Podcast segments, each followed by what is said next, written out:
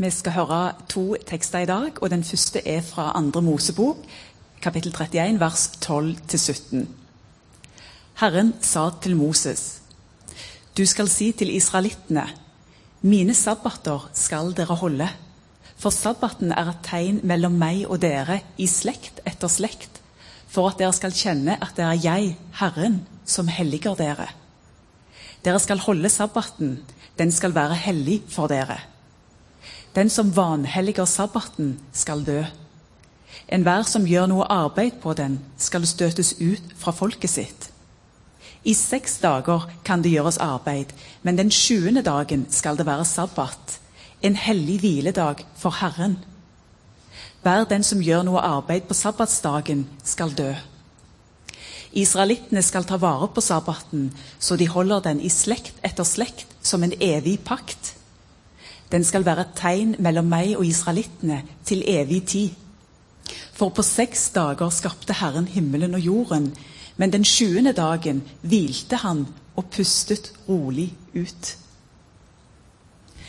Den andre teksten er fra Lukas kapittel 14, vers 1-14. En gang var Jesus innbudt til å spise hos en fariseer som var medlem av rådet. Det var sabbat, og alle holdt øye med ham. Det var en mann der, rett foran ham, som led av vann i kroppen. Og Jesus spurte de lovkyndige og fariseerne. Er det tillatt å helbrede på sabbaten eller ikke?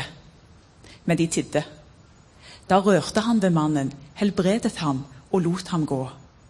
Og han sa til dem, om en av dere har en sønn eller en okse som faller i brønnen, vil han ikke da straks trekke dem opp, selv om det er sabbat?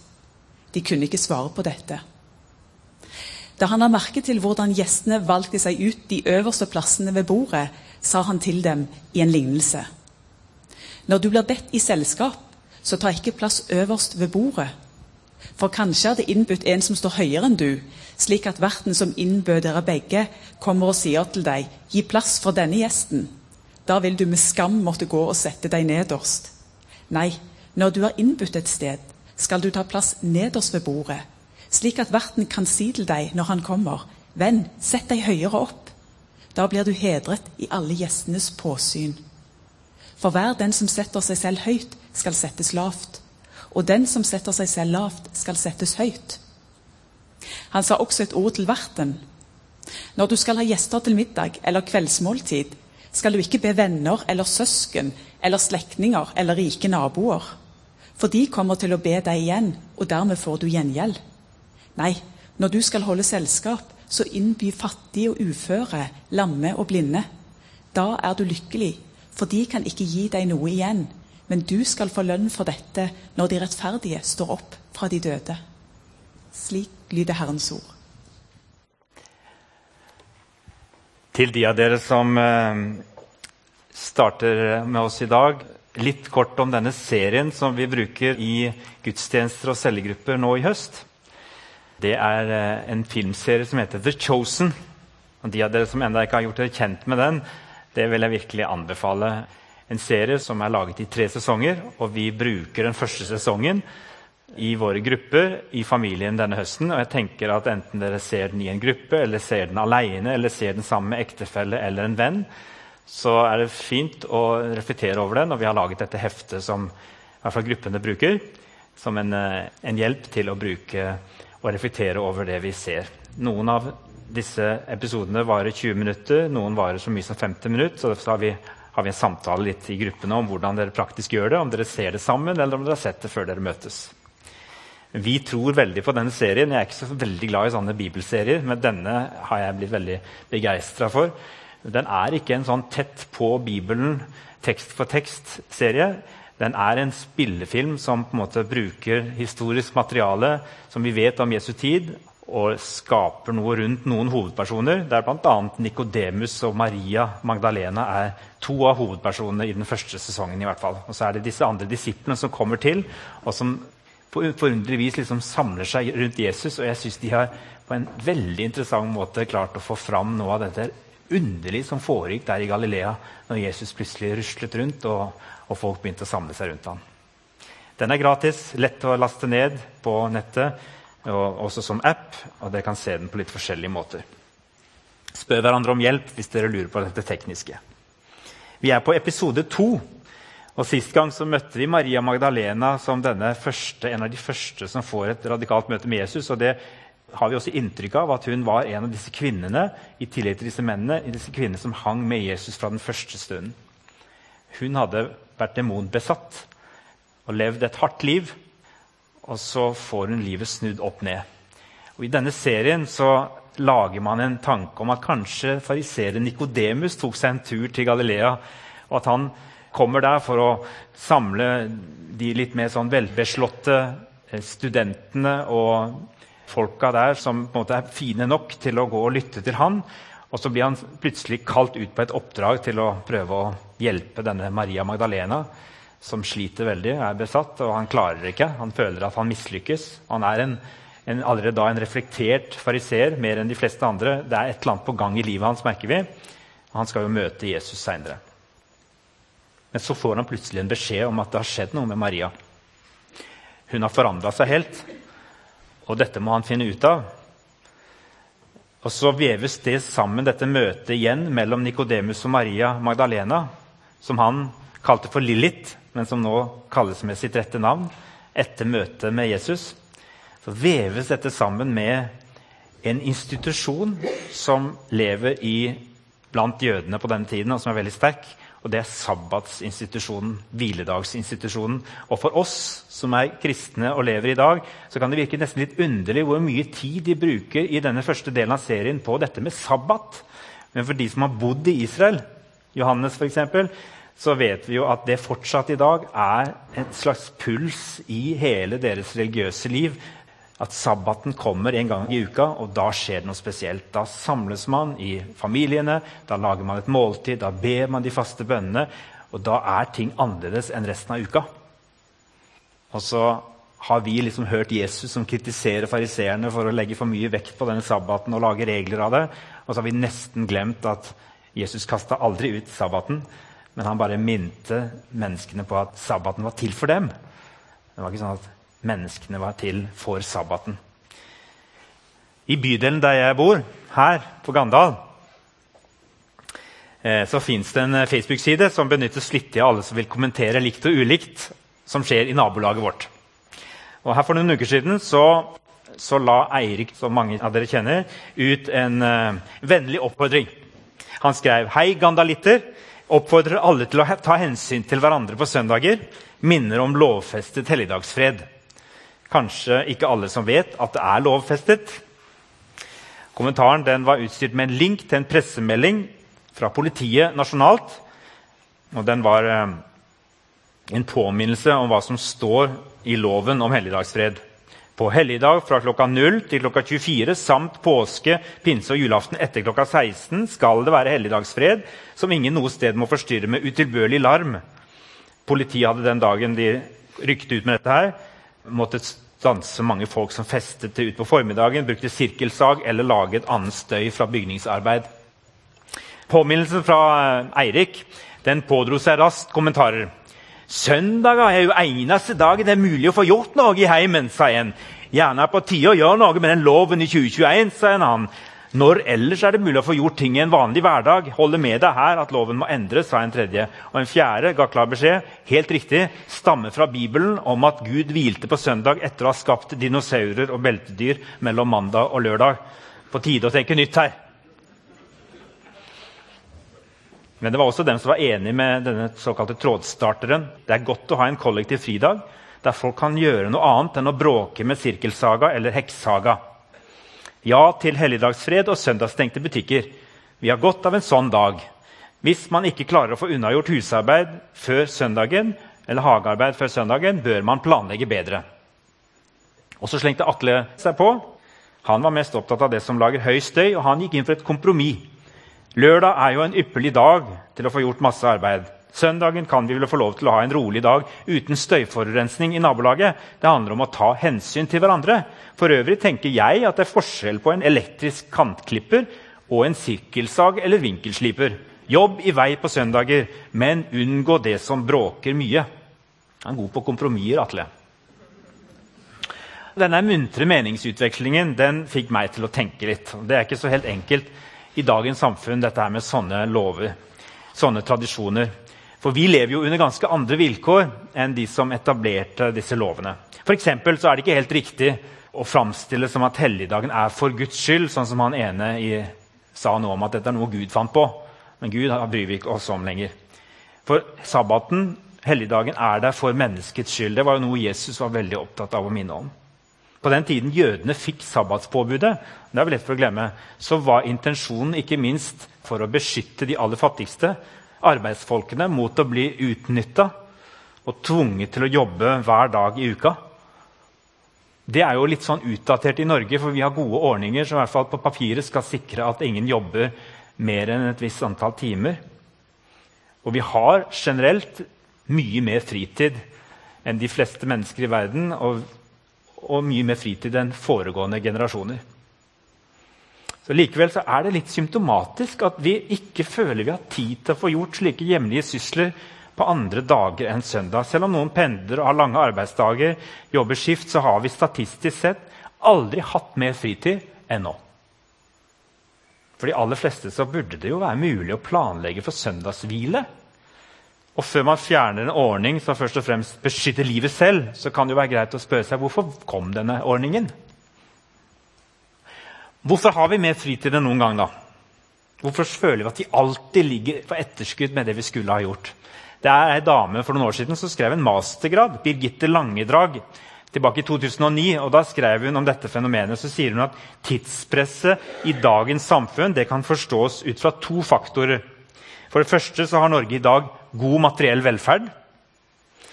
Det har ført til at tid oppleves som det nye knapphetsgodet. Det tid vi mangler. Med materiell velstand øker valgmulighetene i form av fritidstilbud. Materiell velstand kan på den måten fremme ønsket om mer fritid pga. større valgfrihet. Det oppstår et luksusproblem. Selv om den enkelte fritt kan gjøre hva en ønsker, så skjer det i en sosial kontekst som begrenser de reelle alternativene pga. tid. Til flere valgmuligheter vi har, desto flere potensielle opplevelser går vi glipp av. Så vi går hele tiden og føler at det er så veldig mange ting vi kunne ha vært med på, så vi har valget til å være med på, men tida er kortere enn vi kan fylle den med. For det andre så er arbeidsdagen blitt friere pga. den nye teknologien. Og Der har det skjedd mye siden 2009, da hun skrev arbeidernes kamp for åtte timer arbeid, åtte timer hvile, åtte timer søvn. Den er i kontrast til en ny utvisket inndeling av dagen. I dag i arbeidslivet handler det i større grad om tidsfrister i arbeidet. og Det spiller egentlig ingen rolle når på dagen man gjør arbeidet, hva vi får det gjort. Kanskje er det da vi må begynne å lytte oss tilbake til denne rytmen som de gamle lærte oss, bl.a. der helligdagsfred var et gode for alle. Det var ikke en tvangstrøye. I vårt samfunn er vi ikke så glad i å bli fortalt hva vi skal gjøre. Jeg innrømmer det sjøl. Jeg liker ikke at folk sier at uh, jeg skal velge en kollektiv løsning hvis jeg kan gjøre noe på egen hånd. Vi er jo så forskjellige. Jeg har mine behov, du har dine behov. Jeg vil helst finne ut av dette sjøl. Sånn må det jo være. Og det er egentlig noe av det gode. Det er mye bra med individualisme. For det har gitt oss mulighet i større grad å lytte til våre egne behov og ta egne valg. Det er bare det at i praksis så gjør vi stort sett det de andre gjør. Og så har vi alle disse valgene, alle sammen. Vi skal ikke glemme at det ligger en styrke i at storfellesskapet vårt, storfamilien, det store vi, har beskyttet noen tider og steder for all vår travelhet, for all vår støy og for vårt høye aktivitetsnivå, det er forankret i Gud selv. Det handler jo ikke om oss selv først, nødvendigvis, men om å ta vare på hverandre og ta hensyn. Jeg tror det er ganske lett for oss å riste oppgitt på hodet over fariseerne som løftet pekefingeren og ropte rundt seg om hvor fryktelig det var å bryte sabbatsbudet. Vi husker bl.a. om hvordan Jesus irettesatte dem når de ble kjeftet på fordi de tok litt korn disse disiplene langs veien og Da var det noen som sa det kan du ikke gjøre på en sabbat. Og Da var jo Jesus der og sa nå, nå setter dere på en måte sabbaten over menneskets egne behov. Det var jo ikke meningen. Jeg tror vi kunne ha puttet mange andre ting inn istedenfor det ordet sabbat. Arbeidet er til for menneskene. Det er ikke menneskene som er til for arbeidet. kan vi si. Gudstjenesten og cellegruppa er til for menneskene. Kanskje ikke for hver enkelt individuelt, men den er til for oss. I det øyeblikket den ikke lenger tjener oss som mennesker, da må vi finne på noe annet å gjøre.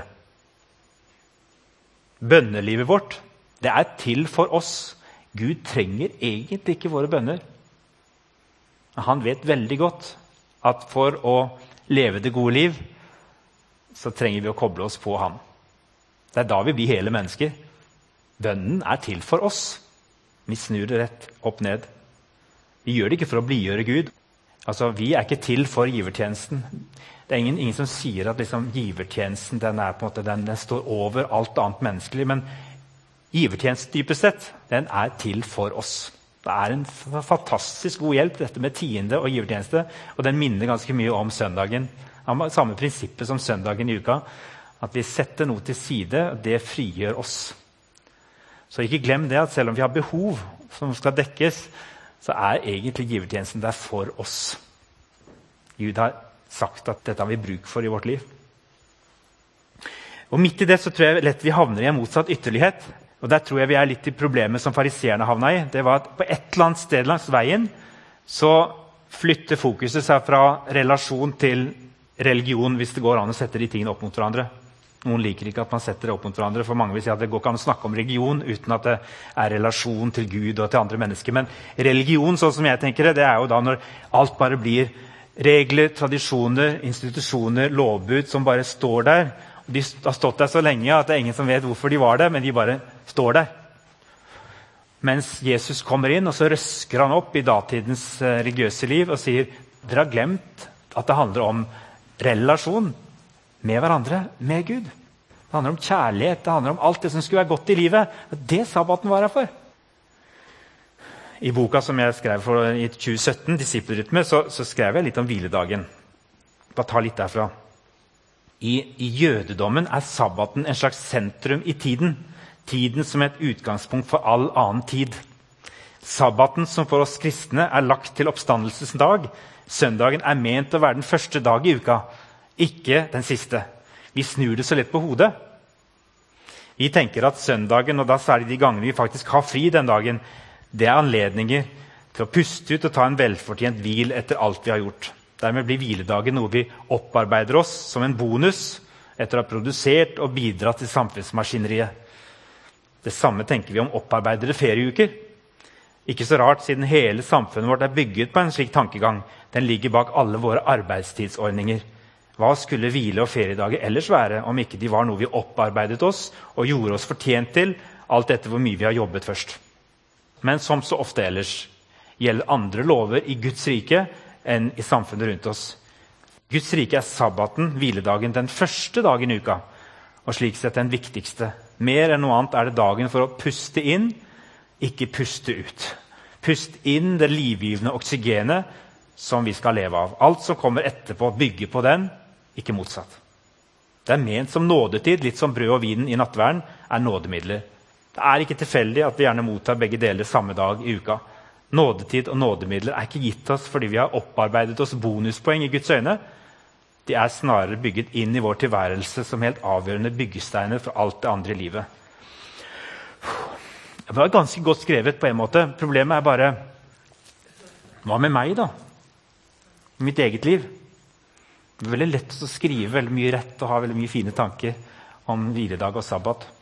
Noe av grunnen til at jeg har skrevet om det, er jo fordi at jeg strever med dette. her. Husker dere Bamse verdens sterkeste bjørn? noen av dere? Ja. Husker dere Skallemann?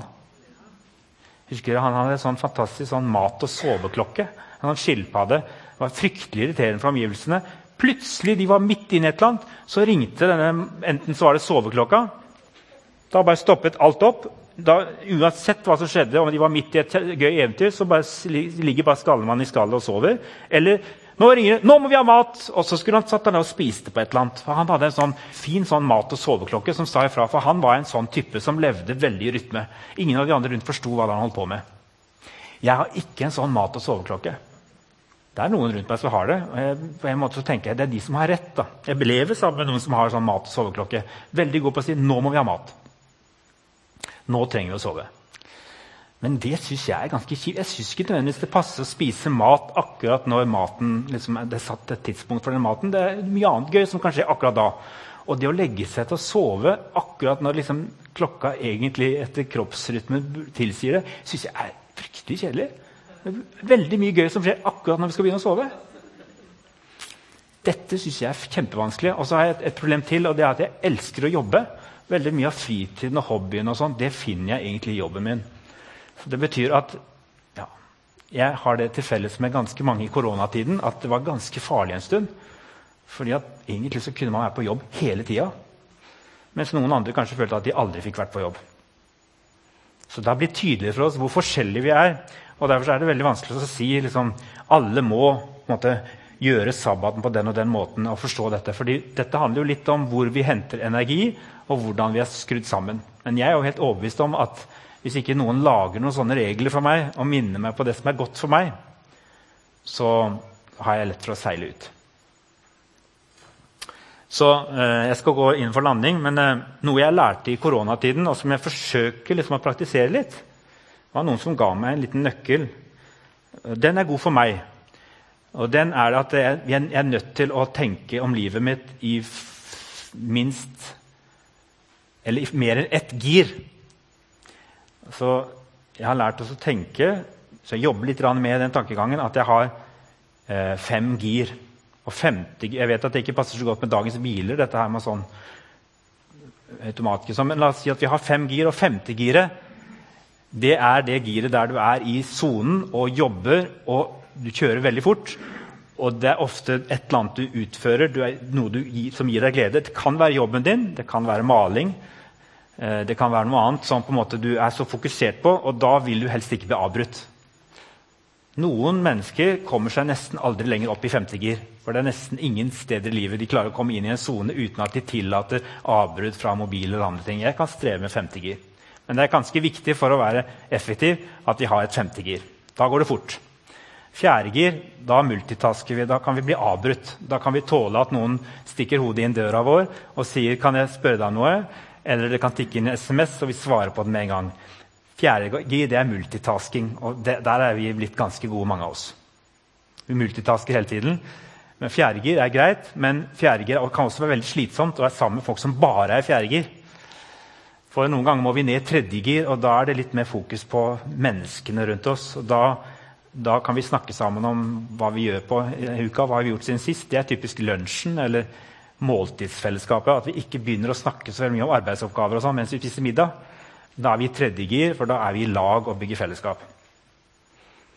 Så da kan vi av og til minne hverandre på du, nå gikk du rett over i fjerde gir igjen. Kan vi holde oss i tredje gir litt, der det egentlig bare handler om at vi skal være sammen? Og så er det andre gir, som er at uh, vi kanskje er litt færre. Det er familietid, kanskje. Kjernetid. Der gir vi oss sjøl til de som er aller nærmest, eller en god venn eller noen andre. Eh, kanskje er det bare to stykker, men det kan også være flere. Men det er liksom når, vi, når jeg spør hvordan går det egentlig med deg, og så har jeg faktisk tid til å vente på svaret. Det var ikke bare noe jeg sa før jeg sprang videre. Og første gir det er det stedet hvor du lader batteriene dine. Hvor du henter din hvile. Og For noen så handler det om å være sammen med folk og gjøre veldig mye kreativt og gøy med, med mennesker nesten hele tiden, selv om ikke noen bare skal ha det. Men for noen er det veldig kjekt å gå på gudstjeneste og lade batteriene. Oppleve at det er godt å være med Gud her. Men for andre kjenner ikke at dette er førstegir i det hele tatt. Det er kjekt og det er viktig, men de må prioritere det litt bevisst. Jeg sier ikke at noen kan slippe unna, men det er ikke nødvendigvis førstegir. Det er ikke nødvendigvis en ladestasjon på samme måten for alle. Men det kan være kjekt likevel. Jeg elsker jo å være i fjerdegir. Det er ikke nødvendigvis her jeg er i første gir. Jeg trenger det òg. Og noen trenger å finne ut hva det er som lader batteriene, og hvor vi får hvile. Og det er veldig kjekt hvis du tar Gud med inn også i samtalen om hva førstegir er. At ikke du bare tenker, Og gjerne også fellesskapet og noen andre. Og sabbaten, hva har den med dette å gjøre? Jeg tror Det er en, slags moderne måte å snakke om at uh, Gud ga oss dette ikke som en tvang, men for at vi skulle få hjelp til å være i rett gir og ikke sause alt sammen. Sånn at vi, som en sa på menighetsrådet i forgårs, han ville gjerne brenne, men han ville ikke brenne ut. Begge deler er like viktig. Vi må ikke slutte å brenne, folkens. Det er veldig trist å være i en menighet der ingen brenner lenger. Vi må brenne. Vi må sørge for at vi får påfyll, sånn at vi hele tiden holder oss levende i relasjon til Jesus. Så vi brenner, men vi skal ikke brenne oss ut før tida. Det handler jo egentlig om at sabbaten, eller alt det vi gjør som mennesker, blir fornyet når Jesus kommer inn og på en måte setter Å ja, det var derfor! Det er som vi synger i sangen 'Gledens Herre, vær vår gjest'. Det skjer noe helt spesielt når Jesus får lov til å være gjest. Være midt i livet vårt.